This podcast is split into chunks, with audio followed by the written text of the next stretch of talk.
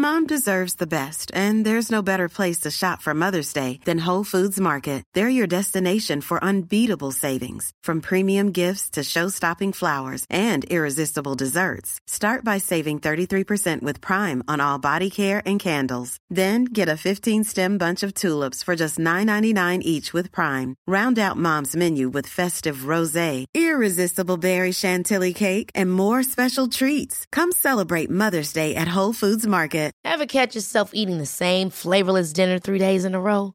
Dreaming of something better? Well, HelloFresh is your guilt-free dream come true, baby. It's me, Kiki Palmer. Let's wake up those taste buds with hot, juicy pecan-crusted chicken or garlic butter shrimp scampi. Mm. Hello Fresh. Stop dreaming of all the delicious possibilities and dig in at HelloFresh.com.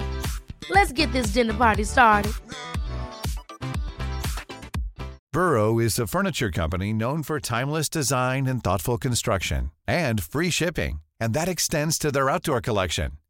Their outdoor furniture is built to withstand the elements, featuring rust-proof stainless steel hardware, weather-ready teak, and quick-dry foam cushions. For Memorial Day, get 15% off your Burrow purchase at burrow.com slash ACAST and up to 25% off outdoor. That's up to 25% off outdoor furniture at burrow.com slash ACAST. Og jeg tenkte faktisk, når jeg hadde Jeg hadde ikke svømt 2000 meter engang. Jeg tenkte allerede da at jeg måtte bryte. Fordi jeg var så, jeg var så varm. Ja.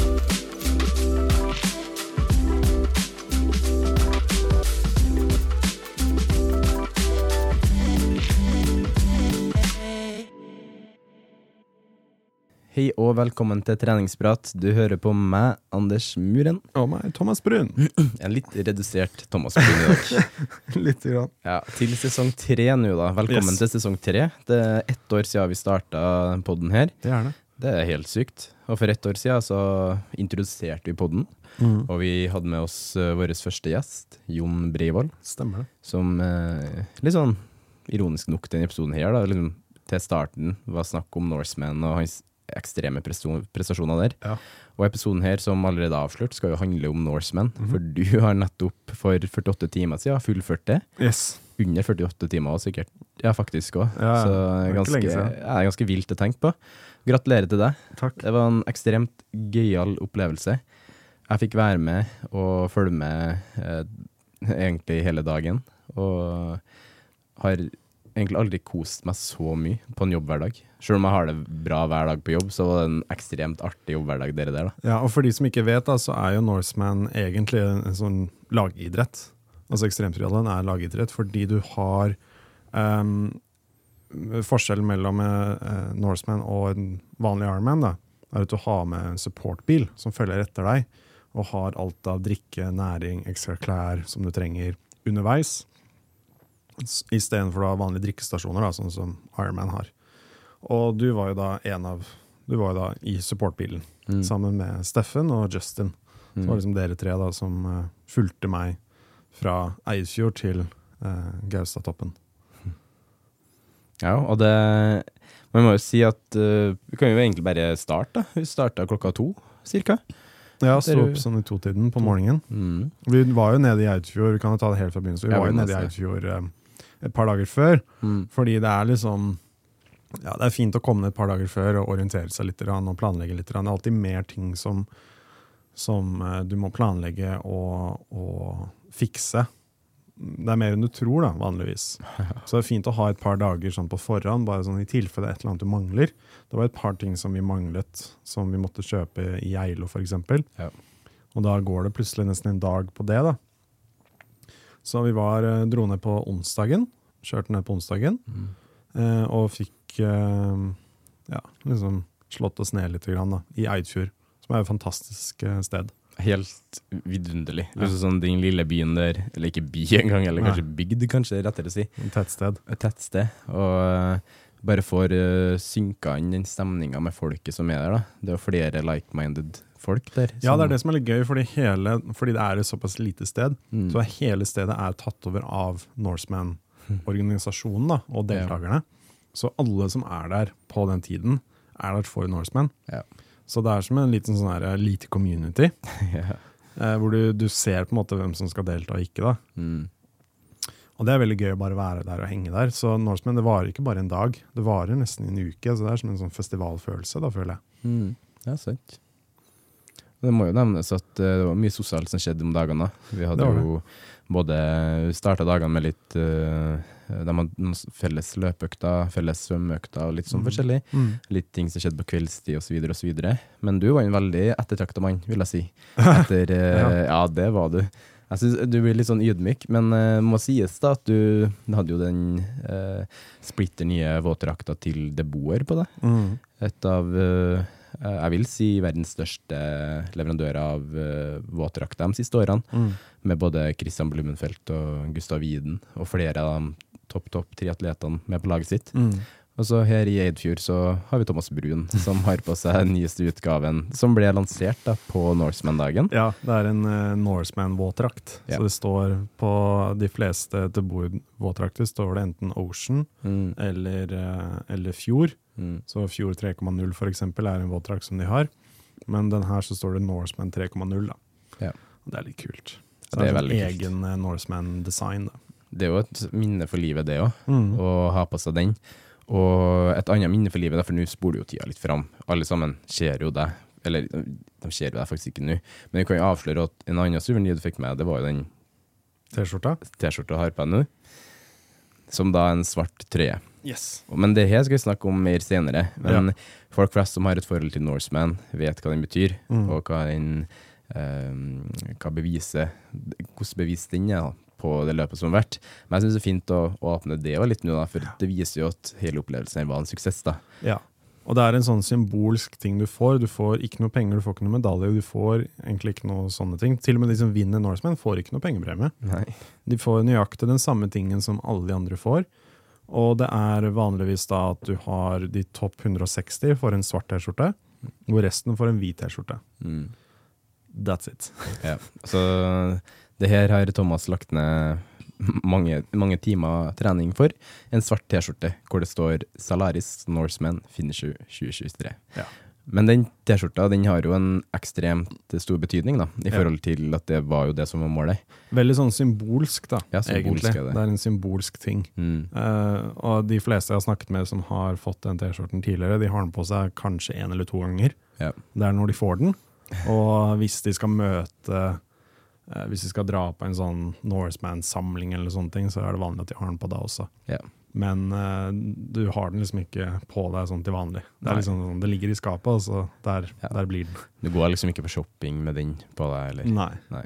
Så det er jo en uh, Men det er jo en sånn ting å ha med seg som er et minne for livet.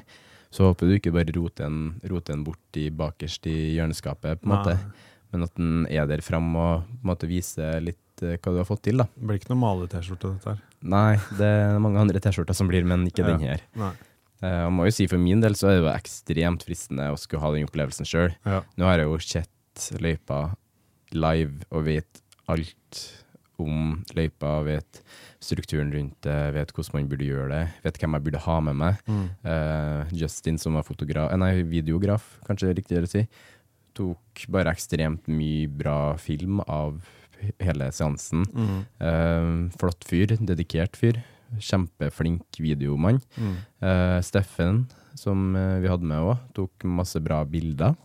Uh, og ikke minst hadde en veldig viktig uh, sjåførrolle. Ja. Kjøre bil uh, for å komme oss fra A til Å, for å si det sånn. Og det er veldig fint å kunne dele opp ehm, Dele opp ansvarene på den Mm. måten. Det at én har ansvar for å kjøre bil og GPS og vite hvor man skal. Mm. Og så er det en som har ansvar for ernæring og passe på at atleten har det den trenger. Mm. Så det er egentlig veldig viktig at man er to stykker. Hvis man Mm. er én person, så kan det bli veldig fort stress. da. Det blir litt mye. Det, blir, my- det er litt ja. mye for én person. Um, hvis man er to, så blir det mye enklere, da. Og det merker man jo. Men vi kan jo nå egentlig, vi har snakka litt om det som skjedde før nå, altså vi snakka litt om avslutninga, egentlig. Ja. Men nå har jeg lyst til å liksom gå litt inn i detalj Yes. på dagen. Fordi det som er gøy, er at jeg aner ikke hvordan dagen deres gikk. Nei, det Fordi man, man, man prater med hverandre, man Ja, sier to ord til hverandre hver time cirka. Ja. Og det er liksom bare sånn uh, Gels!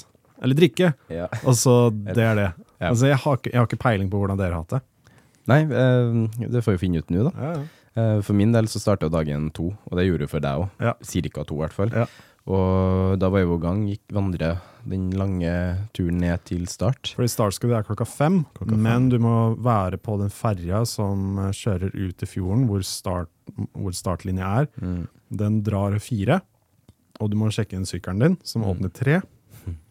Og du må våkne opp, kunne spise litt, grann. Mm. la kroppen faktisk våkne opp litt. Grann, da.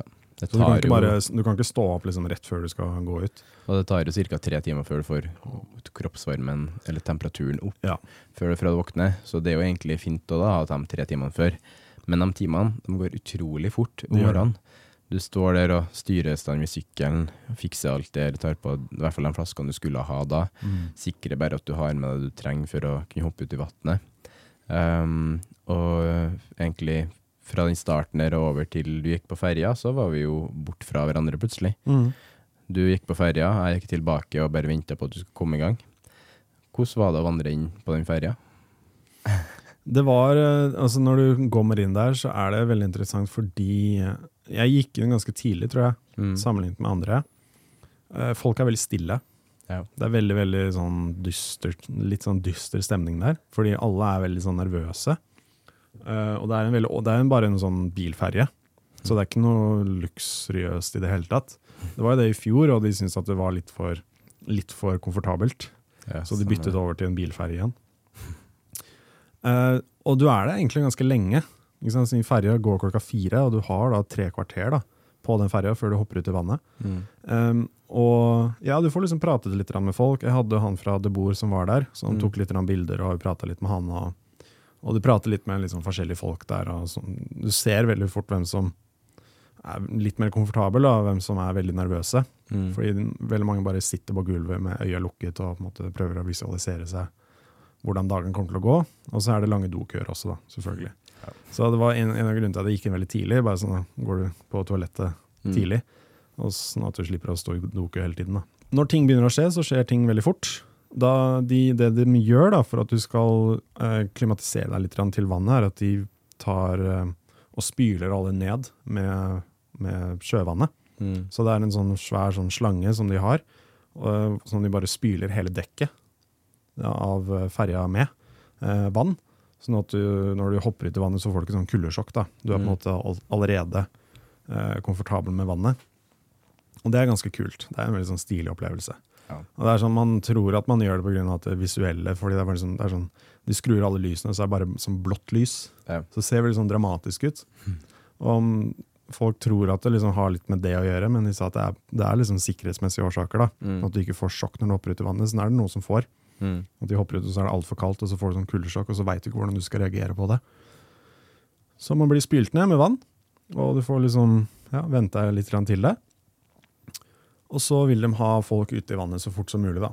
Så når du kan begynne å hoppe, så er de veldig på sånn Kom dere uti, kom dere uti alle sammen. Og da teller de ned da, for deg, fordi folk begynner å, eh, veldig ofte så begynner de å fryse når de står der. Det er sånn tre meter hopp fra, Ja, fra ferja ned. Ja, det er, det er litt høyt. Ja. To-tre meter kanskje. Uh, og så står det en fyr der, da, liksom sånn, de gjør sånne intervaller fire og fire. Mm. Og så står han liksom med hånda på ryggen din, og så ser han ned, og så sier han tre, to, én, og så dytter han deg litt. grann, Da. Må du liksom bare komme deg uti. Bare gjør det, liksom. Ja. Og i år så var de litt trege med det. De Mm. brukte litt for lang tid, det var veldig mange atleter også. Så ferja stopper et par hundre meter fra startlinja, Mm. bare pga. at uh, det skal ikke forstyrre vannet, og det skal liksom ha av den uh, drivstoff og sånn som kommer ut fra ferja, det skal liksom ikke påvirke Ja. alle atletene, da. Ja. Men det var eh, Jeg hoppa uti ganske tidlig. Og jeg var kanskje én av 30 stykker som var ved startlinja når startskuddet faktisk gikk. Okay, såpass, ja. Fordi de alle kom seg uti så seint. Ja. Så start, liksom startlinja var, var liksom spredt ganske langt da, i år. Så det var eh, Ja, det var litt sånn uh, trøbbel der. Mm. Litt sånn usikkerhet. På, på sånn, Å ja, er vi faktisk i gang nå? Fordi det var liksom ingen der. Jeg trodde at de ventet, men det går nøyaktig klokka fem, så går startskuddet. Ja, shit. Det sier jo egentlig litt om hvor kaotisk det kan oppleves, da. Ja. For øh, Ja, egentlig for, for alle som er der. I hvert fall hvis man føler at man ikke kommer seg til For det Mange tenker at 100 meter ikke er så mye, men det er ganske mye når du er i svømmeposisjon, still, stillestående. Det tar deg kanskje to minutter å komme deg fram bare dit. Ja. Så for mange da så kan jo bare det være en stressende nok situasjon. da. Og så vil du ikke bruke så mye energi på det heller. Du har Mm. ikke begynt ennå. Det er, det er som en oppvarming, så da tar du det veldig, da tar du det veldig med ro da, for å komme deg bort. Mm. Men det var allerede da så hørte jeg om en person som måtte trekke seg bare fordi at de fikk sånn sjokk av å være i vannet. Og det er jo helt mørkt Ja. også. Ja, Det ja. er jo ikke, sola har ikke stått opp ennå, så vannet er helt mørkt. Ja. Du ser egentlig ikke så mye. Um, er, du skal svømme i en rett linje mot, Mm. uh, mot Eidfjord igjen, men det er egentlig bare en liten sånn lyskaster som de har puttet opp, og en bøye i vannet. Mm. Men pga. at man ikke svømte med så mange andre folk, så var det litt vanskelig å finne den rette linjen mot land. Da. ja, det tror jeg på. Og det er, sånn, det er overraskende vanskelig å svømme inn rett linje når du ikke har noe referanse. Ja. Det er det, faktisk. Ja, altså må det jo sies at mange tenker at det kan ikke være helt mørkt, men greia med Eidfjord det er at du er nederst, og så har du bare fjell omringa rundt deg. Så ting blir enda mørkere enn det man faktisk har her i f.eks. i Oslo eller Trondheim, Ja. i noen storbyer. da, Så ting bare blir bekmørkt. Mm. Og i vannet her så ser du i hvert fall ingenting. Nei. Så nei, man må bare gå etter følelsen, og så etter hvert så begynner å lyse litt og litt opp. Og vi så jo at du svømte litt for lenge, egentlig. Eller Ja. litt for langt, da, kan man si, egentlig. Men hvordan var den svømminga for deg, da, når du starta å komme i gang med den splitter nye våtdrakten? Og, og egentlig en veldig god svømmetid som du har hatt med deg og bygd deg opp da gjennom årene her med trening. Akkurat på svømmingen så merket jeg at jeg hadde egentlig bare testet våtdrakten eh, innerst i fjorden, Ja. på temperaturen som er der, men temperaturen er annerledes jo lenger når du kommer lenger ut. Og det er sånn, kan være tre grader forskjell. da. Ja. Og temperaturen innerst var rundt 15 grader, Mm. men ytterst var det sånn 18. Og når det er 18 grader, så veit du at du klarer deg fint med en våtdrakt som ikke er termisk. Mm. Jeg hadde da en termisk våtdrakt med en vest og hette. Det er veldig mye. Det det si. merket jeg fort at det ble litt for mye, da. Ja. Og jeg tenkte faktisk, når jeg hadde, jeg hadde ikke svømt 2000 meter engang, og jeg tenkte allerede da at jeg måtte bryte. Fordi jeg var så, jeg var så varm. Ja. Eh, og jeg, var, eh, jeg begynte å svette skikkelig. Jeg måtte slippe opp våtdrakten litt for å slippe vann inn og sånn. Ja. Og i hvert fall hodet mitt var så kokte skikkelig. Mm. Så jeg var litt redd for at jeg faktisk måtte bryte da, bare at jeg ville, ville få noe sånn hetesjokk eller noe sånt. Mm. nå, Jeg, jeg veit ikke. Mm. Og hvordan resten av dagen ville bli også, da, på grunn av at jeg var såpass varm i svømmingen. Mm. Um, men så heldigvis, etter 2000 meter, så begynte vannet å bli litt kaldere. ja. Og da fikk jeg liksom opp farten òg, da. Uh, og da fikk jeg ja, pusha meg litt hardere, da, og Mm. kunne, kunne svømme litt bedre, Mm. merket jeg. Men det var, det var mye, jeg hadde på meg mye. Og jeg svømte litt for langt også. Jeg så jo på klokka etterpå.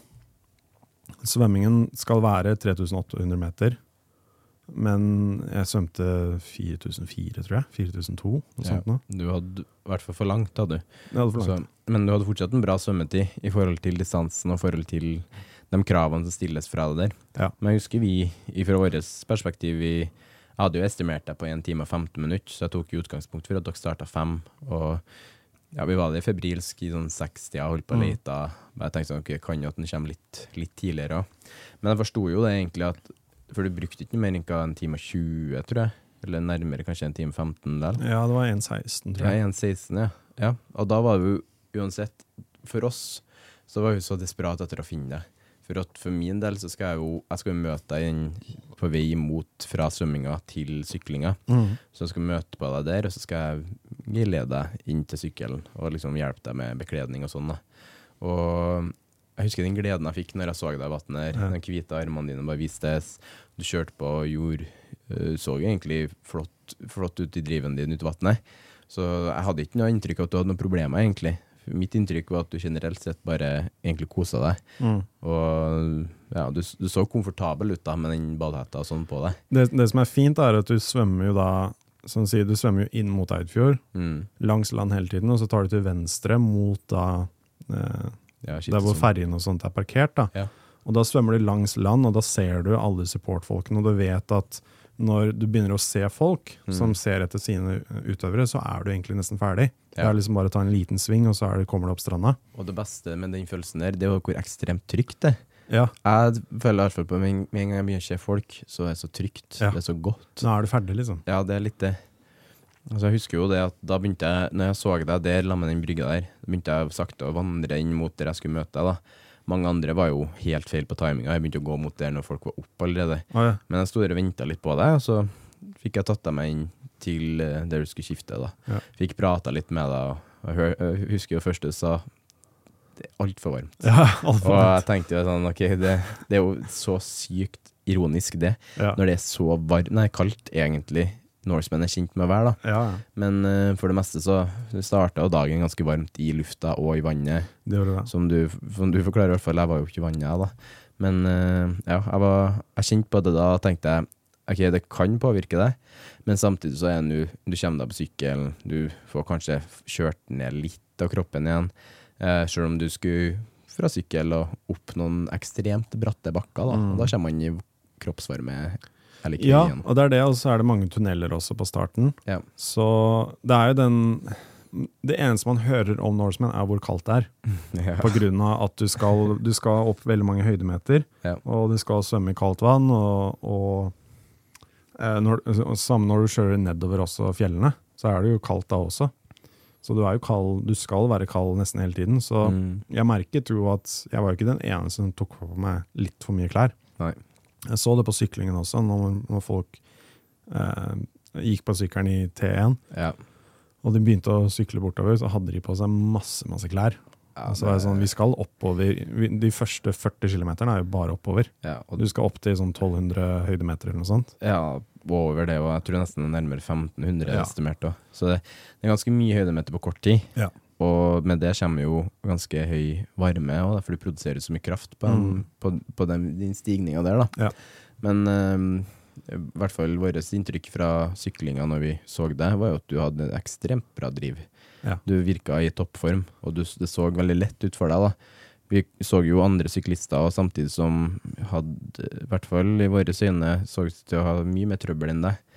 Så um, det virker som du disponerte den motbakken ganske bra, til tross for høy kroppstemperatur da òg. Eller tar vi helt feil med den vurderinga? Ja, nei, det, du var riktig i det. Og jeg er glad at jeg ikke tok med meg altfor mye klær på starten. Mm. Jeg hadde eh, sykkelshorts, og så hadde jeg en sånn singlet, sånn trang sånn treningsskjorte under. Mm. Og så en langarma sykkeljakke, da. Ja. Og så må du ha en refleksvest over. Mm. Eh, og så hadde jeg en sånn halsgreie. Mm. Eh, og det var egentlig det. Altså, vi hadde jo hansker og, og sånne ting klare også, men jeg hadde også på ullsokker, som var eh, smart. Liksom, hvis det blir kaldt på føttene, så blir det veldig ubehagelig. Mm. Uh, og vi visste jo det at liksom, vi hadde jo kjørt gjennom tunnelene et par dager før, og jeg visste jo det at Jeg hadde hørt det fra tidligere, så nå har jeg vært der to år på rad og filmet, og at folk uh, tar på seg altfor mye, i hvert fall på de første, Mm. første 40 kilometerne. Da. Mm. Men det er når du kommer til toppen av fjellet, som på Dyranut som det heter, hvor det begynner å gå nedover. Da må du ta på deg litt klær. Ja. Og det gjorde vi. Det gjorde vi jo. Da begynte du å få på deg en vindjakke, i hvert fall. Ja. Som eh, jeg tror i hvert fall du gjorde veldig riktig i, da. For vi, vi som support kjente jo det at det ble veldig kaldt Ja. på toppen der. I hvert fall litt kaldere vind, og trekket treffer jo litt annerledes der. Og så Mm. begynte det å bli litt tendenser til litt sånn småregn og yr i lufta òg. Og da å gjøre den vurderinga at man må bare få på seg noe, noe mer klær, er jo veldig bra. Mm. Samtidig når man går veldig jevnlig nedover ifra det punktet der, da vil man jo kjenne at man, man går fortere med sykkelen, så klart, og da trekker man til seg mer luft. Da, Mm. luft luftmotstanden Det blir kaldere følelse på kroppen. da. Så jeg tror du kom til å kjent det mye mer, og hatt mye mer trøbbel hvis at du ikke Hvis du hadde vært så hadde sjøltilliten til å kjøre uten den vindjakka. da. Mm. Så jeg tror det var en sånn taktisk godt valg Ja. at du gjorde det. Og tok uh, Ja, vi stoppa jo så vidt for å gjøre det. Det tok ikke den lange tida, det, Nei, det gikk veldig kjapt. Men det er, det er verdt det å bruke de ti sekundene, da. Mm. Og det var jo på toppen av en bakke, så jeg kjørte ganske sakte uansett. Så det var jo så vidt jeg bremset. Ja. Uh, så tok vi den på. Um, og den er jo ikke like aerodynamisk, selvfølgelig, Nei. som uh, en uh, sykkel, eh, eh, sykkeltrøye. Sant. Men eh, det er verdt det når du eh, sykler i den vinden og litt regn og sånt Ja. òg, da. Og Noen ganger må man ofre det aerodynamiske for å holde på en generell komfort, da, Ja. kan man si. Og da Hvis du skal jeg fryse liksom helt i Geilo, da, som på en Ja. måte er neste motbakke, så er det lenge å fryse. Ja, men det kan ikke ha så mye av det Nei. på en sånn her etappe. For uh, syklinga di tok deg jo nærmere sju timer. Ja, Cirka sånn sju timer. timer. Og man kan jo tenke da at man har hatt to timer fullført opp til Dyrenaut, cirka. Litt under det, Mm. Og så skal du begynne å fryse og ha det jævlig da. Ja, Da er det for tidlig å begynne å kjenne at man sliter, rett og slett. absolutt. Men jeg syns det var litt artig å se underveis på syklinga. Um, som nevnt, du så veldig komfortabel ut. Du lå mye i beilene, og du virka til å ha egentlig en veldig sånn god skjørtsikkerhet med deg på at det her går fint. Mm. Og det var jo opplevelsen min, i hvert fall helt fram til den siste bakketoppen.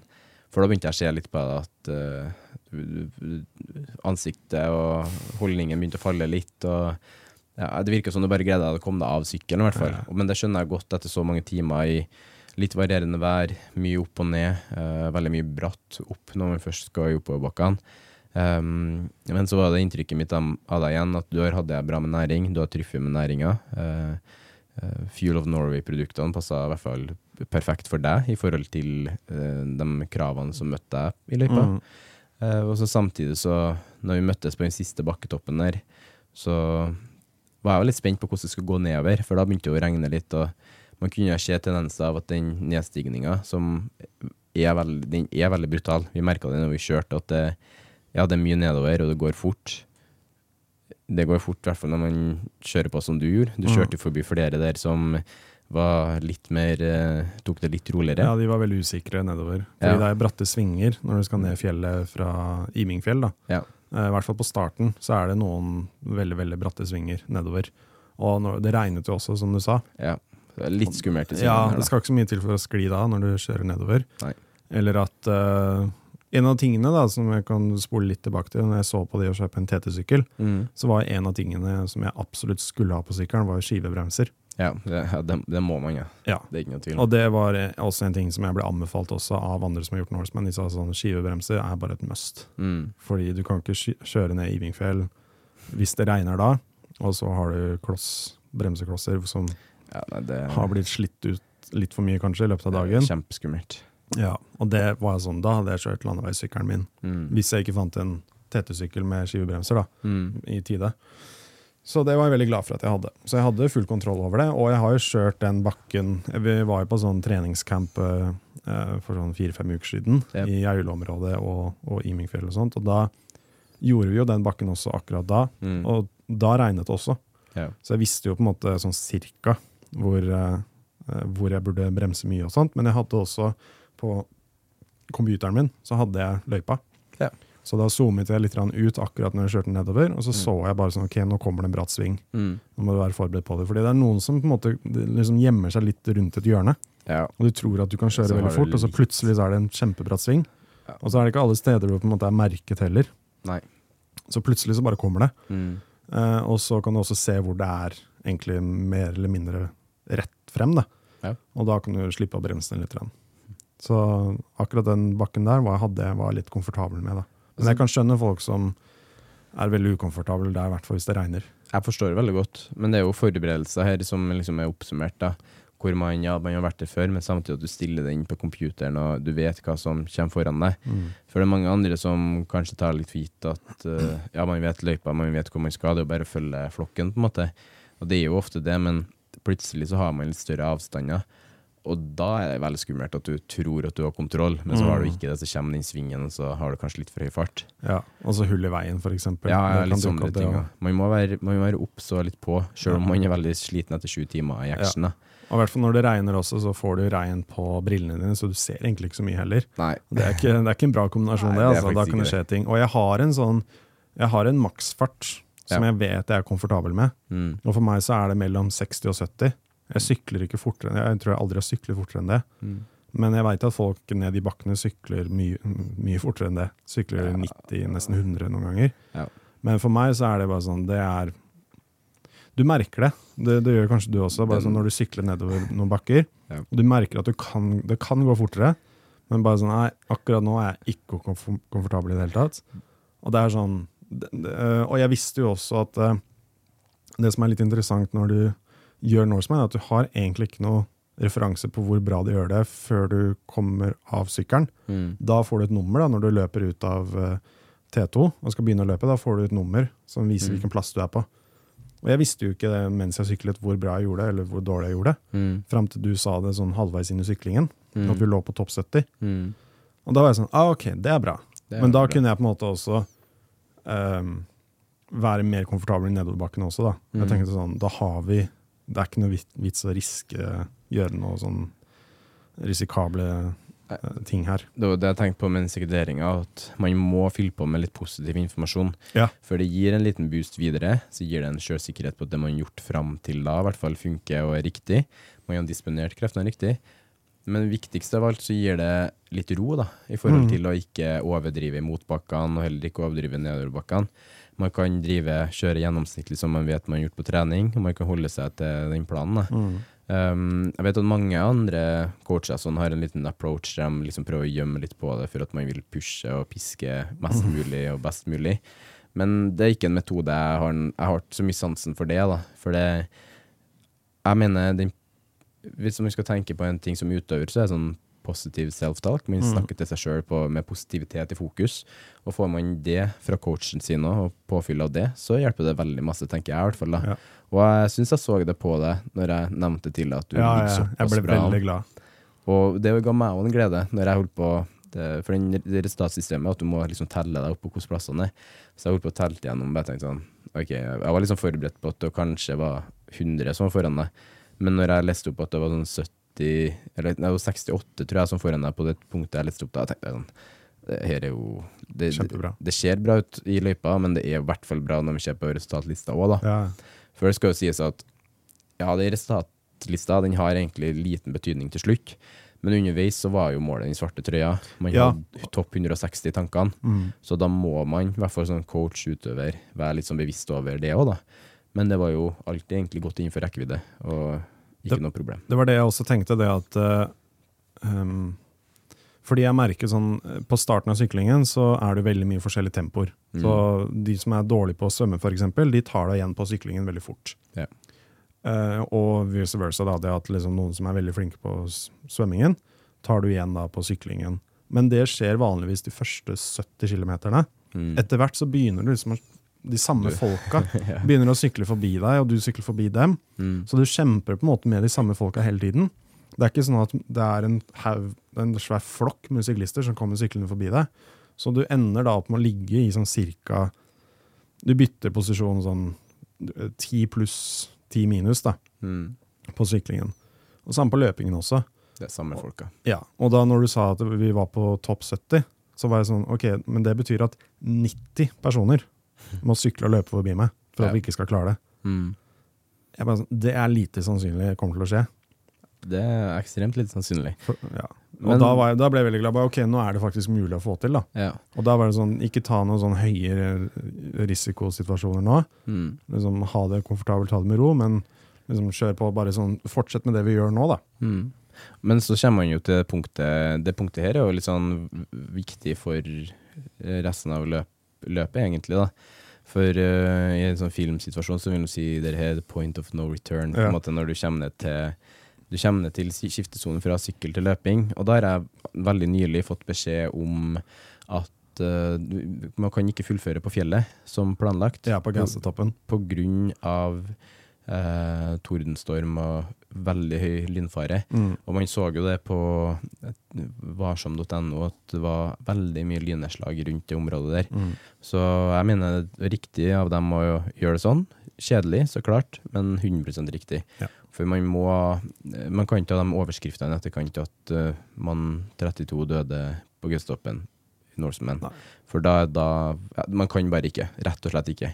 Og det skal alltid være helsa og eh, den velværen til deltakerne som er med i fokus hele tida, uansett om det betyr at man kanskje ikke ting ikke går som planlagt. Men, Men, jeg føler ikke at det var noen som klagde over det i det hele tatt. Nei. Alle respekterte det og var OK med det. Ja, men jeg så på den premieutdelinga på slutten, og noen som rista litt på hodet på Ja. det. Og litt sånn, det var, jeg, hørte i etterkant at det var amerikanere, da. Så det er Ja. litt sånn, ikke noe, ikke noe hard feelings mot amerikanere, men jeg føler den mindsetet det kan være litt sånn ah, Må gjennom det tøffest mulig greia. Men i situasjonen her så var det det riktig. Men jeg tror ikke det var. Norseman som stengte fjellet. Det er bare at Gaustatoppen Stemmer det. Det er dem Det er som de som stenger, stenger fjellet, fjellet. Men det er jo dem som driver fjellet, eller som har Ja. liksom, organisering der, som kommer med sin soleklare mening på det, da. Ja. Og som da stenger av. Og den heisen som går inn i fjellet også, den stenger jo den òg. Ja, Så, så da du, du må liksom gå opp og ned, og hvis det er da en lynnedslag på fjellet mens du er der. Ja. Og det tenkte jeg også på. Da, bare sånn, jeg hadde virkelig ikke vært komfortabel med det. Nei. Å gå opp det fjellet når det liksom er masse lyn rundt meg. Ja. Bare sånn, fordi det er jo bare steiner der, ikke noe trær, ingenting. Treff. Så du er på en måte det høyeste punktet, alltid Mm. på fjellet. Så treffer det, treffer det fjellet, og så er jo fare for steinras og samtidig. Det er jo det som er det skumleste kan skje. Da. sånn, Jeg hadde ikke vært komfortabel med det. Men det at uh, det, har, det er andre gang det har skjedd på 20 år Ja, at de har stengt fjellet. Så det sier jo litt, da. Ja. Så da, nei. Man må bare man må bare gjøre det beste ut av situasjonen, og når jeg ga deg den beskjeden, nå, så virka det jo litt sånn Ja, det går bra. Ja. Og så da blir jo, endrer de jo litt vilkårene i forhold til den svarte trøya, så for oss var jo det litt en ting å tenke på. Mm. For fra at du var veldig komfortabel innenfor topp 160, så ble det endra til at nå er det tidsestimat man skal innom. Ja. Så det endra seg underveis, da. Og det, det var jeg litt sånn spent på, liksom lurer på hvorfor de gjør det sånn, men de gjorde det sånn i hvert fall. Så da måtte du innenfor fullføre på 14 timer og 45 minutter, og under det. Mm, jeg var litt sånn nervøs på det i begynnelsen, for jeg vet av erfaring av deg at du, når du går fra sykkel til løping, så kanskje du løper litt for fort i starten i Mm. forhold til hva du kanskje kunne holdt gjennomsnittlig. Og, men dem, den perioden vi så deg på løpinga, så så du veldig komfortabel ut. Holdt et jevnt tempo. Um, ting var greit, liksom. Og det er jo heldigvis flatt første, så man har jo man har en god tid på seg foran seg. Ja. Og um, det var ikke noe tvil om at du, du var i form. Selv Jeg merket det faktisk når jeg gikk av sykkelen, at beina var overraskende ok. Ja. Uh, og da er det som du sier, da, da får man litt sånn boost av det. Mm. Og, men jeg måtte ta meg selv den første kilometeren. Bare sånn, du skal løpe lenge, Ja, så nå må du liksom roe ned litt. Grann, ja, det. Men det var jo, jeg var jo ikke alene på det heller, at folk liksom kom seg av gårde, ville komme seg av gårde fort. Ja. Uh, og det var jo en liten misforståelse, tror jeg også, med tanke på sluttiden. Mm. Fordi jeg prøvde liksom å regne det i hodet mitt mens jeg løp. Mm. Bare sånn avslutte, men at du måtte sjekke inn på bunnen av fjellet Mm. på 14 timer og 45 minutter eller noe sånt. Ja, på den 32,5 Nei, Nei, på 37 37,5 37,5 ja. kilometer. Stemmer det. Uh, og det har litt å si, da, det at uh, Mm. da har du litt bedre tid, i hvert fall. Ja. Uh, og da kan du ta det, ta det litt roligere, for så vidt. Men jeg holdt det jo 5.30 i tempo Mm. ganske lenge, og så gikk jeg opp til rundt 6 Mm. eh, minutter per kilometer, litt etter hvert. Eh, og så, så de første 25 kilometerne gikk for så vidt ganske greit. Det var kjempebra. Eh, og det var Jeg var veldig glad da når jeg så dere hver gang. Fordi det var jo ikke alle steder man kunne stoppe, og at det var praktisk å stoppe. Mm. De er veldig veldig strenge på at man skal stoppe utafor veien. Det var veldig vanskelig for support på Ja. det merka vi. Og det jeg glemte også, da, var jo selvfølgelig at dere må jo eh, ta sykkelen min og putte den på bilen deres. Mm. Fordi du kan ikke la sykkelen være på T2, sånn som på en Ironman. Nei. Den må du ta med deg. Du må ta med alle tingene til utøveren med en gang. Mm. Og parkeringsplassen er jo et par hundre meter unna. Sånne ting. Så det er jo en del ting som dere må fikse før dere kan kjøre av gårde. Mm. For å da møte meg med drikke og sånne ting.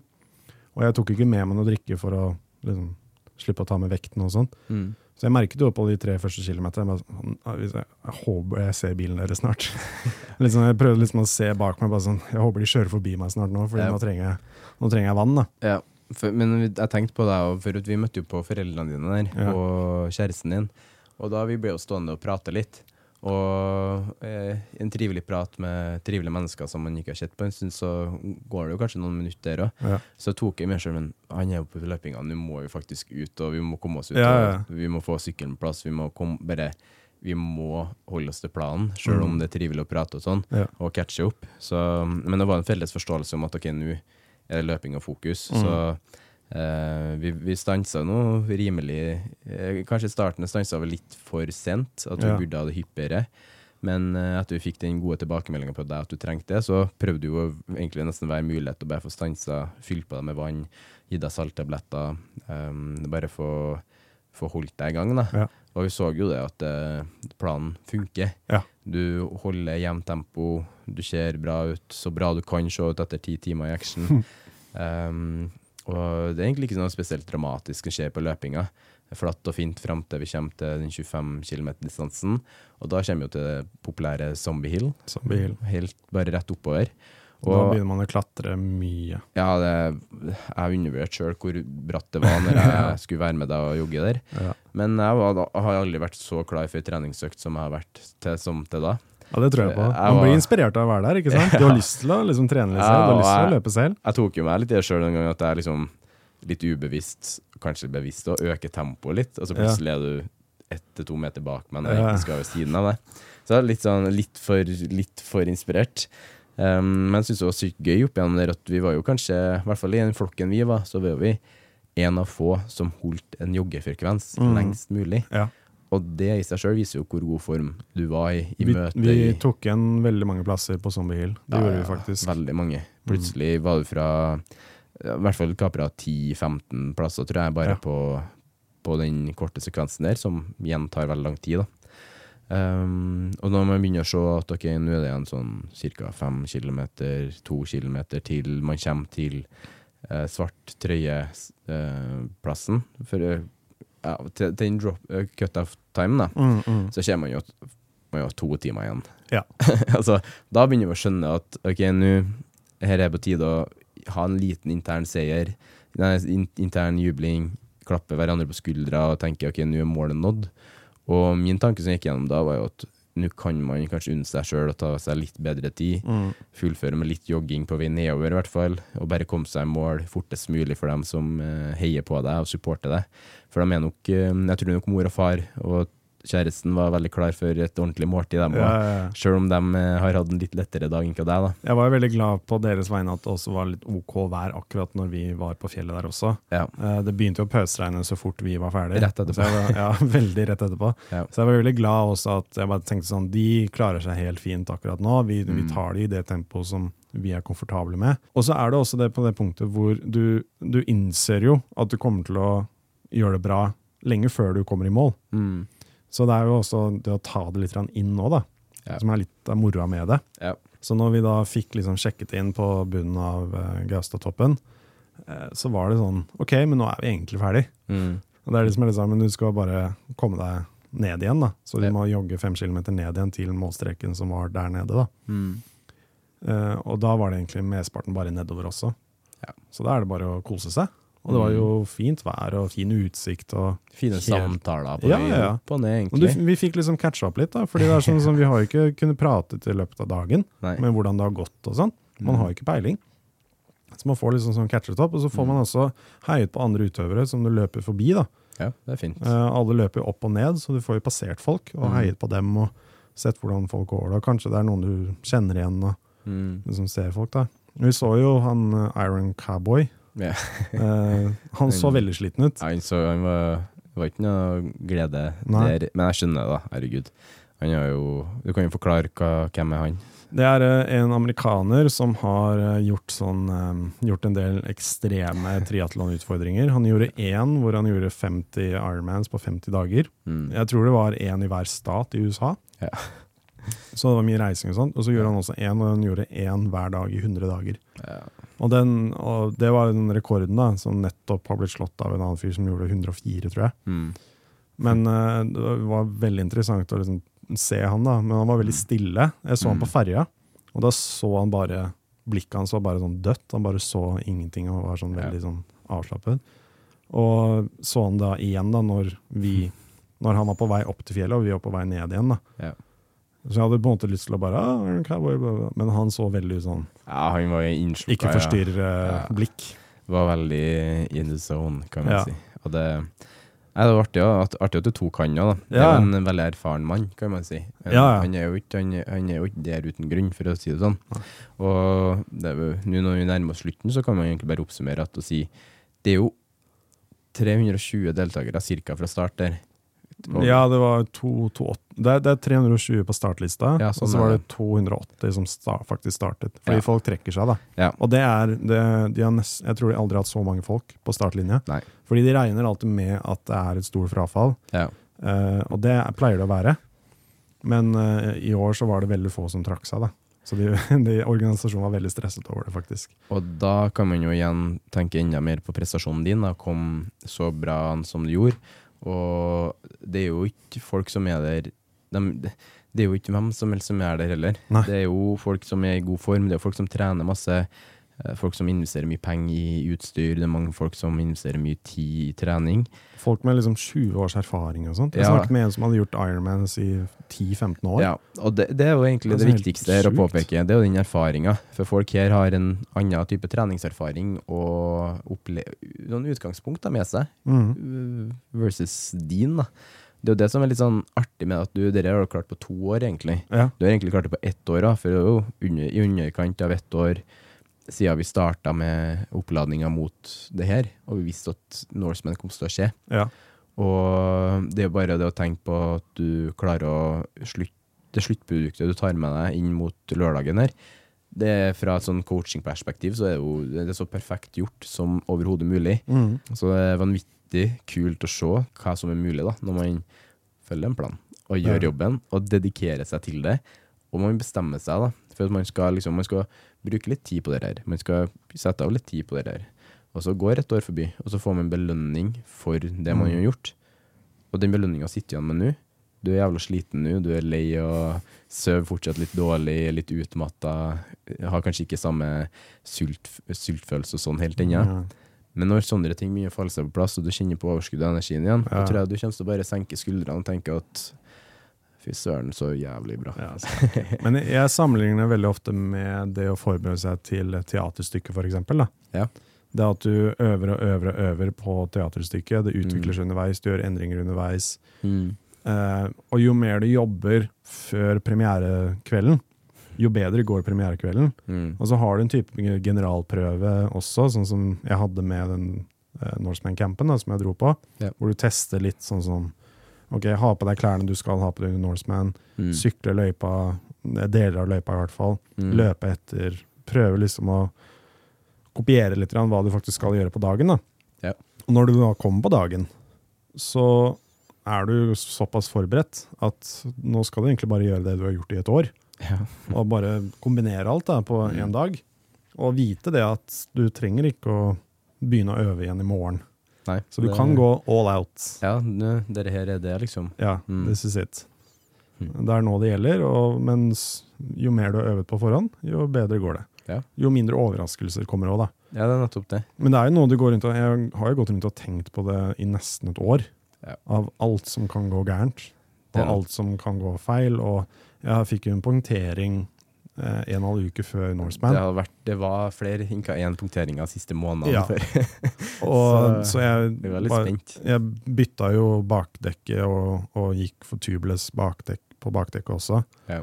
Eh, bare for å være helt sikker på at en punktering det har jeg ikke lyst til å Mm. få. Fordi hvis du skal drive og bytte slange og sånne ting, så taper du masse tid. Ja. Og det å bytte slange på sånne landeveissykler og TT-sykler. Det er et helvete. Fordi de sitter så s- Og så- trangt. Se for, for deg en kulde, og så gjør det i den Mm. kulda samtidig. da. Men eh, her Ja, kroppen din stopper, og du begynner å skjelve, og liksom Ja. du får den reaksjonen. da. Det, Og det vil du absolutt ikke. Så jeg gjorde alt Jeg så for meg hvert eneste scenario mm. mulig ja, av ting som kunne gå gærent. Og vi prøvde å da ha en plan for alt, egentlig. Mm. Og det fine var at liksom, en av de tingene som er fint å gjøre, er å dele opp eh, tingene dine som du trenger i løpet av dagen, i forskjellige bager. Ikke bare Ja. ha én stor bag hvor du har alltid. Kaotisk. Kaotisk. Vi hadde kjølebag, for eksempel, med, med vannflasker. Vi hadde nok vannflasker. Mm. Eh, vi fikk jo 30 vannflasker fra Fuel of Norway. Ja, drikkeflasker. Så vi hadde nok av det. Vi hadde Mm. nok av vann også. Eh, og vi hadde da næringen i én pose, og vannflaskene og kjø i kjølebagen. Og så hadde vi ting til svømming i én bag. Mm. Og den trenger du ikke lenger når du er ferdig med svømmingen. Da legger du den liksom vekk. Kassen nederst, bakerst i bilen. Og så har du alt av sykkeltingene, det er liksom ferdig, og så har du løpetingene dine i en egen pose. Mm. Men også så, så ga jeg jo deg også en pose hvor jeg sa sånn, dette er ting jeg kanskje kommer til å spørre om. Den svarte bagen. Den svarte bagen fra Canada Man. Og den, litt fun fact på den, så når vi var på toppen av Dyrenaut og du skulle skifte jakke I starten her så hadde jeg stått klar bare med ei flaske vann og noe næring. Og så tenkte jeg sånn Det her er jo egentlig her vi skal ha den, det du kanskje har behov for. Og det var jo den du hadde behov for da, egentlig. Så da, det viser jo bare det å ha system på noe, da. Ja. System på ting og vite liksom, hva man har å forholde seg til. Du kan bare forestille deg at du kommer opp der, må stå helt i ro i flere minutter pga. at jeg må finne fram den, eller Ja. finne fram jakken nederst i sekken. Så her handler det om forberedelse. Ja, og jeg så at det var veldig mange som var flinke på det. De hadde Mm. eh, sånn plastikk eh, Ja, de hadde delt opp ting, da. Sånn Mm. T2, sykkel, ernæring, i forskjellige bokser. Sånn Mm. gjennomsiktige bokser. Ja. Og de hadde åpnet panser Liksom, de hadde veldig kontroll på ting, da. Og det er veldig viktig på ting som dette her. Ja. Fordi du føler med en gang du står stille og ikke beveger seg, beveger deg, så føler du at du kaster bort så sykt mye tid. Jeg føler meg klokka flyr, Ja. og tida går veldig fort. da. Veldig fort. Og du har liksom tre-fire personer som sykler forbi deg. Mm. Eh, Så det er ikke så veldig gøy da, å stå stille. Mm, Hvis du kan unngå det, så vil man helst unngå det. Ja. Og det syns jeg vi klarte veldig bra. Ja. Jeg, stoppa, jeg stoppet to ganger på sykkelen. Mm. Og det var når vi måtte ta på den jakka, og Mm. så måtte jeg på, på do på én gang. Men Ja. jeg måtte også knekke opp ryggen litt. For jeg merket at tempobilene hadde begynt å ta på litt. da. Ja, det, Men jeg var sånn, ok, vi, er, vi ligger bra an. Jeg tåler det akkurat nå. Ta en liten pause mm. Uh, i ti sekunder, da. Og så sykle videre. Og så kommer vi jo ned til mållinja. Ja, For nå er jo eh, Vi avbryter jo litt da, bare for å forklare litt prosessen og sånn. ja, ja. Så jeg tenker vi kommer ned til mål, og ja, kjenner jeg egentlig bare at eh, de årene vi har jobba mot dette her, egentlig bare faller seg til det siste øyeblikket. At man kan Mm. springe inn i mållinja der. Og det er en god lettelse, det. å komme seg inn der. ja. Ja. Det er veldig, veldig deilig. Jeg har kjent på det sjøl, jeg blir veldig emosjonell. Ja. Jeg blir veldig lett emosjonell, da, så jeg ser jo både i hvert fall når foreldrene dine står der og vet hvor stolt de er. Du Ja. ser jo dem hvor utrolig stolt de er av det. Uh, ser kjæresten din der, og bare hun, og hvor stolt hun er, og hvor glad folk er rundt Ja. Eh, samtidig så har jeg jo med Justin og Steffen der, som var med i teamet Mm. eh, gjennom hele dagen, og vet hvor mye de har vært bekymra i forhold til at om ting går etter planen, Mm. men nå at de har vært liksom så spent da, på hver gang vi så deg og passerte deg og filma deg og tok bilder av deg. Um, så bare veldig mye ting som faller seg på en og samme, eh, et og samme øyeblikk. Så veldig fint å se hvor bra man gjennomfører. Og når man har gjennomført, så er det godt å la det synke inn litt. Da. Ja, ja, det er veldig deilig. Man har veldig adrenalin når man er- kommer i mål. Ja. Og du klemmer folk, og jeg vil liksom gi alle en klem, og det var kjempegøy. Ja. Og så er det også veldig behagelig, bare sånn, nå er det ikke noe mer som kan gå gærent. Nei, det, Også- det er nettopp det. Det er sånn, du trenger ikke, det er ikke noe du kan, du kan ikke tråkke over, du kan ikke liksom øh, ødelegge deg da, noe Mm. lenger. Nå er du ferdig. Mm. Eh, gi fra deg GPS-en som man har på seg, og så er det liksom, det er det. Mm. Og adrenalinet er det fortsatt, så selv om det er kaldt ute, og sånne ting, så står jeg der fortsatt bare i T-skjorte. Ja. Og det var kanskje en feil jeg gjorde, at jeg ikke tok meg en jakke med en gang. Ja, Fordi, det- eh, men det, var, det, det som var veldig gøy, jeg hadde lyst til å være ved målstreken egentlig litt lenger, fordi det er så gøy å se folk komme i mål. Ja. Folk er så utrolig glad. ja, helt Og det er kjempegøy å se på. Det, det er jo ekte, ekte idrettsglede. Ja, ja. jo- Folk bryter ned i, i tårer fordi de er så lykkelige. Det var en fyr som kom inn i mål rett etter deg, eller Han litt etter deg. skreik skikkelig. Og han var jo helt eh, Jeg tror det var en fransk mann som bare var helt Det var høy desibel på den Ja, ja. ropinga der. Det er nydelig. Nei, det var artig. Og det, man blir jo ekstremt inspirert sjøl, da. Og Ja. jeg er jo veldig eh, I mine tanker nå, nå så er det jo sammen med mye andre ting i 2024, som det alltid er, så jeg kan ikke se for meg å ikke gi det en sjanse, i hvert fall. Og kanskje er det min tur neste år. Så, men hvem, hvem vet? Kanskje blir det, kanskje ikke. Jeg må få gjøre det jeg kan for å få meg med på trekning og sånn. Mm. Så får man se. Det, det ga, ble i hvert fall ikke noe mindre fristende etter å se alt det du har vært gjennom på deg, Nei. og bare vite hvor episk den løypa er, og alt det som er rundt, og alle folkene rundt, og um, triatlonmiljøet generelt, da. Det, Det er veldig hyggelig miljø også. ja, det er et, et ekstremt bra miljø. Mm. At folk, uansett om han eh, heter Jon Breivoll og er så sinnssykt god som han er, eller om han heter Thomas Brun og er så god som du òg er, Mm. så er folk Man er så folkelig. Mm. De tar seg tid å prate, man gir et glimt i øyet, klapper hverandre bryggen, ryggen, gratulerer. Man er der for hverandre, man heier på hverandre. Så det er ekstremt fint å se det, da, uansett om man er på toppen av pallen, eller om man er nummer 159, da, eksempel. Og det er det jeg liker også, det at liksom Mm. alle får den samme um, type oppmerksomheten. da. Ja. Uh, alle får den samme gevinsten. Mm. Og det sa de også på, på søndagen, Ja. på, på premieutdelingen. Uh, at alle her er en Norseman. Ja, altså, men det er liksom litt artig med alle Det er jo litt sånn Det er typisk å si alle, alle vinnere. Det er jo en sånn sånn klisjé-ting å si. Mm. Jeg føler, når jeg har vært med på Ironman, så føler jeg at det ikke er mening i det. Da er det bare sånn, da er det viktigste med de proffatletene som er med som uh, ja, pre pengepremiene og sånn. Mm. Men når man var med her, så følte jeg liksom I hvert fall på her er det faktisk Det er ærlig og oppriktig at man mener ja, alle er faktisk vinnere. Mm. For man viser samme dedikasjon til alle. da. Folk, Det er kameracrew i løypa på ikke bare dem som er topp to, men òg folk som er lenger bak. Mm. Det er folk, de, de følger med hele dagen. da. Og man har eh, ja, Hvordan man organiserer løpet. Liksom, det, er lagt opp veldig bra for at man kan heie på alle mann alle. Alle kvinner, alle òg. Ja. Mm, Og det som er gøy, er at de har ikke noen aldersgrupper heller. Nei, det, det er nettopp det òg. Ja. Så igjen, da blir det liksom enda litt mer folkelig, da. Mm. Um, Sjøl om jeg er, er veldig sånn konkurransemenneske av meg, og har det litt i blodet mitt, i hvert fall de siste årene at jeg har blitt det, så syns jeg det er fint at man kan slippe det fokuset òg. For jeg tror mange har godt av at det ikke er så altoppslukende med den plasseringa. Jeg tror det kanskje kan gå litt i hodet på noen, hvert fall. Ja. Og det var virkelig ikke en ting jeg brydde meg noe særlig om. Mm. Liksom Topp 100 for eksempel, hadde vært liksom fint, men jeg bare sånn, jeg bryr meg virkelig ikke. ja. Liksom, så lenge jeg får gjort Så lenge vi får liksom fullført det målet som vi hadde, da, Mm. med svart T-skjorte, så er jeg happy. Fordi Mm. det er det som jeg bryr meg om. Ja. Og der sitter du med den nå, på deg nå, med klokkeskillet og tatoveringene på deg fortsatt. Fantastisk. Jeg syns det er herlig å se deg i den. Du kler den veldig godt, og den kler deg veldig godt òg. Så jeg er jo ganske sikker på at uh, dette her er et kapittel vi er ferdig med nå. Mm. For det har jeg en opplevelse av deg på nå, at uh, Norseman det er kanskje ikke det som skjer med det første igjen. Tror ikke jeg skal gjøre det igjen neste år, nei. Nei. Ikke neste år, men Nei, jeg tror ikke jeg, tror ikke jeg skal gjøre det igjen. Jeg er jo en del av filmcrewet der, og det er Ja. også veldig veldig gøy å være en del av. Ja. Og det savnet jeg litt, grann, da, å liksom ikke være med på Mm. de møtene og den filmingen som de gjør på forhånd og under selve dagen. det forstår jeg. Jeg fikk jo ikke med meg noe av det, Nei. så jeg har litt lyst til å også være en del av det teamet. da. Ja. Og så kan du kjøre bil istedenfor å måtte sykle Ja. eh, løypa. Det, ja. Og så får du eh, hotellfrok- frokostbuffé på Dyranytt. Litt mer komfortabel. Kan ta kaffepauser og Ja, det, det var komfortabelt å sitte i bilen og se på deg Ja. slite. Det var faktisk det.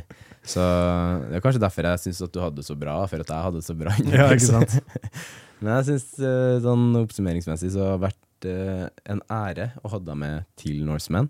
Eh, vi er jo ikke ferdig her for det, men i forhold til tidsbruk på trening, Mm. tidsbruk på tanken på trening, så tenker jeg det er liksom Nå har vi vært på toppen der. Siste ukene så hadde du treningsuka på opptil 20 timer pluss ja. og sånn, så det er nesten 100 jobb, det. Så nå kanskje vi skal begynne å normalisere det litt. Du skal få Ja. en måneds pause, eller så lenge du føler for. Og så må vi jo komme tilbake i podkasten etter hvert i sesongen her på litt sånn nye målsetninger Ja. og hva vi tenker videre, da. For Det kommer til å endre fokus litt. Grann. Og det er som du sier, sånn Motivasjonen til å gjøre en fem timer lang sykkeløkt nå er, er ikke der så veldig Du var ikke så gira å være med på, på en Ja, eh, sykle fire, fire ganger 1000 meter eh, drag på Frognerbadet i morges. Nei. nei. nei, så jeg merker det at eh, ja, motivasjonen til å kanskje endre fokus litt er litt mer interessant nå. da. Jeg har jo, eh, Kjæresten min har jo begynt på SATS Mm. nå, som PT, og en av tingene som vi har veldig lyst til å gjøre, da, fordi hun har jo flyttet fra Nederland og hit nå, Mm.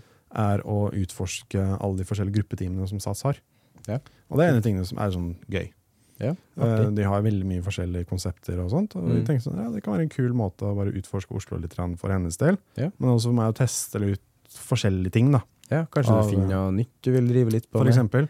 Så- Og jeg er veldig, jeg syns det er gøy å løpe og svømme og sykle, men det som er interessant nå, føler jeg, er eh, øke, øke hurtigheten. På det, ja. Ja, Ja. Si en, 10 en rask 10 10 kilometer. Da. Mm. Mye mer interessant for meg nå enn et maraton. Ja. Ja. Eh, og det er på en måte sånne ting, eller en rask fem kilometer. Da. Ta en Mm. fem kilometer på under 20 minutter, f.eks. Mm. Det kunne vært veldig kult. Og da har du meg til rådighet for det. Og det, Det er ingen bedre enn meg på akkurat det, på den allsidigheten. Det vil jeg slå meg sjøl på brystet Ja. og si. Sånn, uansett om det er ydmykt eller ikke å si det, så jeg vil si det, for nå har jeg Jeg føler at jeg har mestra så mye med så mange utrolig flotte mennesker, og Mm. du er nok et bevis på det, da, etter den helga her. Så ja, nei, jeg gleder meg til å se hva vi har videre foran oss. Jeg har nå i hvert fall EM i langdistanse triatlon 9.9. Ja. Om Det er faktisk bare en måned til det òg. Det blir gøy. Da reiser vi til Nederland. Det gjør vi. Så det, jeg gleder meg veldig til det. Eh, ekstremt inspirert etter helga her. Mm. Så jeg tror den helga her kom egentlig bare som perfekt timing fram mot det. da. Så um, får vi se hvordan det går. Ja. Det blir en episode om det etter hvert. Absolutt. Og så blir det noen ukentlige eh, opplastninger av podkastepisoder nå fram til jul, nesten. Mm. Um, så ja. Er det noe mer du vil tilføye, egentlig? om Nei, jeg vil bare si takk for at dere hadde lyst til å være med.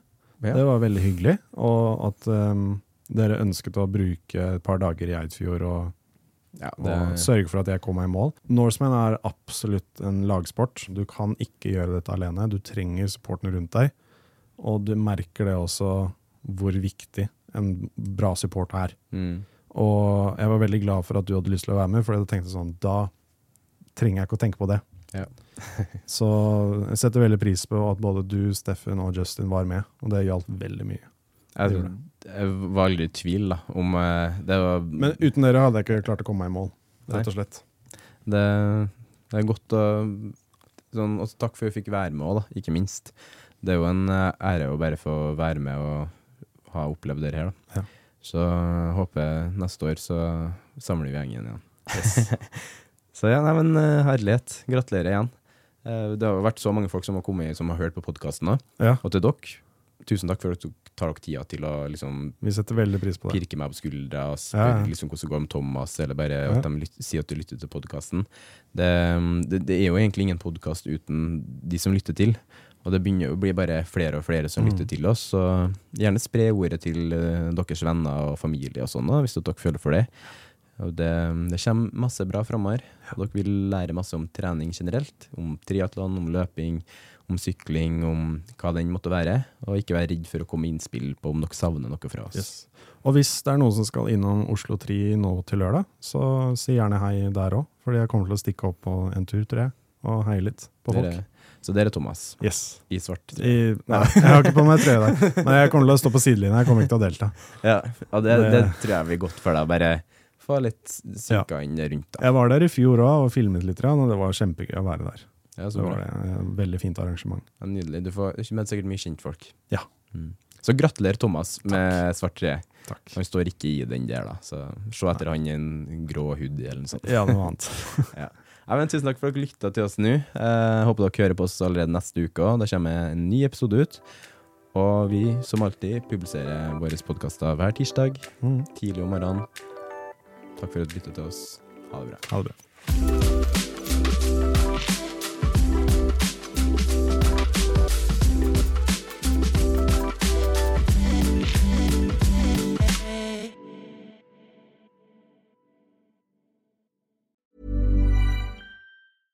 Ever catch yourself eating the same flavorless dinner three days in a row? Dreaming of something better? Well, HelloFresh is your guilt free dream come true, baby. It's me, Gigi Palmer. Let's wake up those taste buds with hot, juicy pecan crusted chicken or garlic butter shrimp scampi. Mm. Hello Fresh. Stop dreaming of all the delicious possibilities and dig in at HelloFresh.com. Let's get this dinner party started. Planning for your next trip? Elevate your travel style with Quince. Quince has all the jet setting essentials you'll want for your next getaway, like European linen, premium luggage options, buttery soft Italian leather bags, and so much more. And is all priced at 50 to 80% less than similar brands.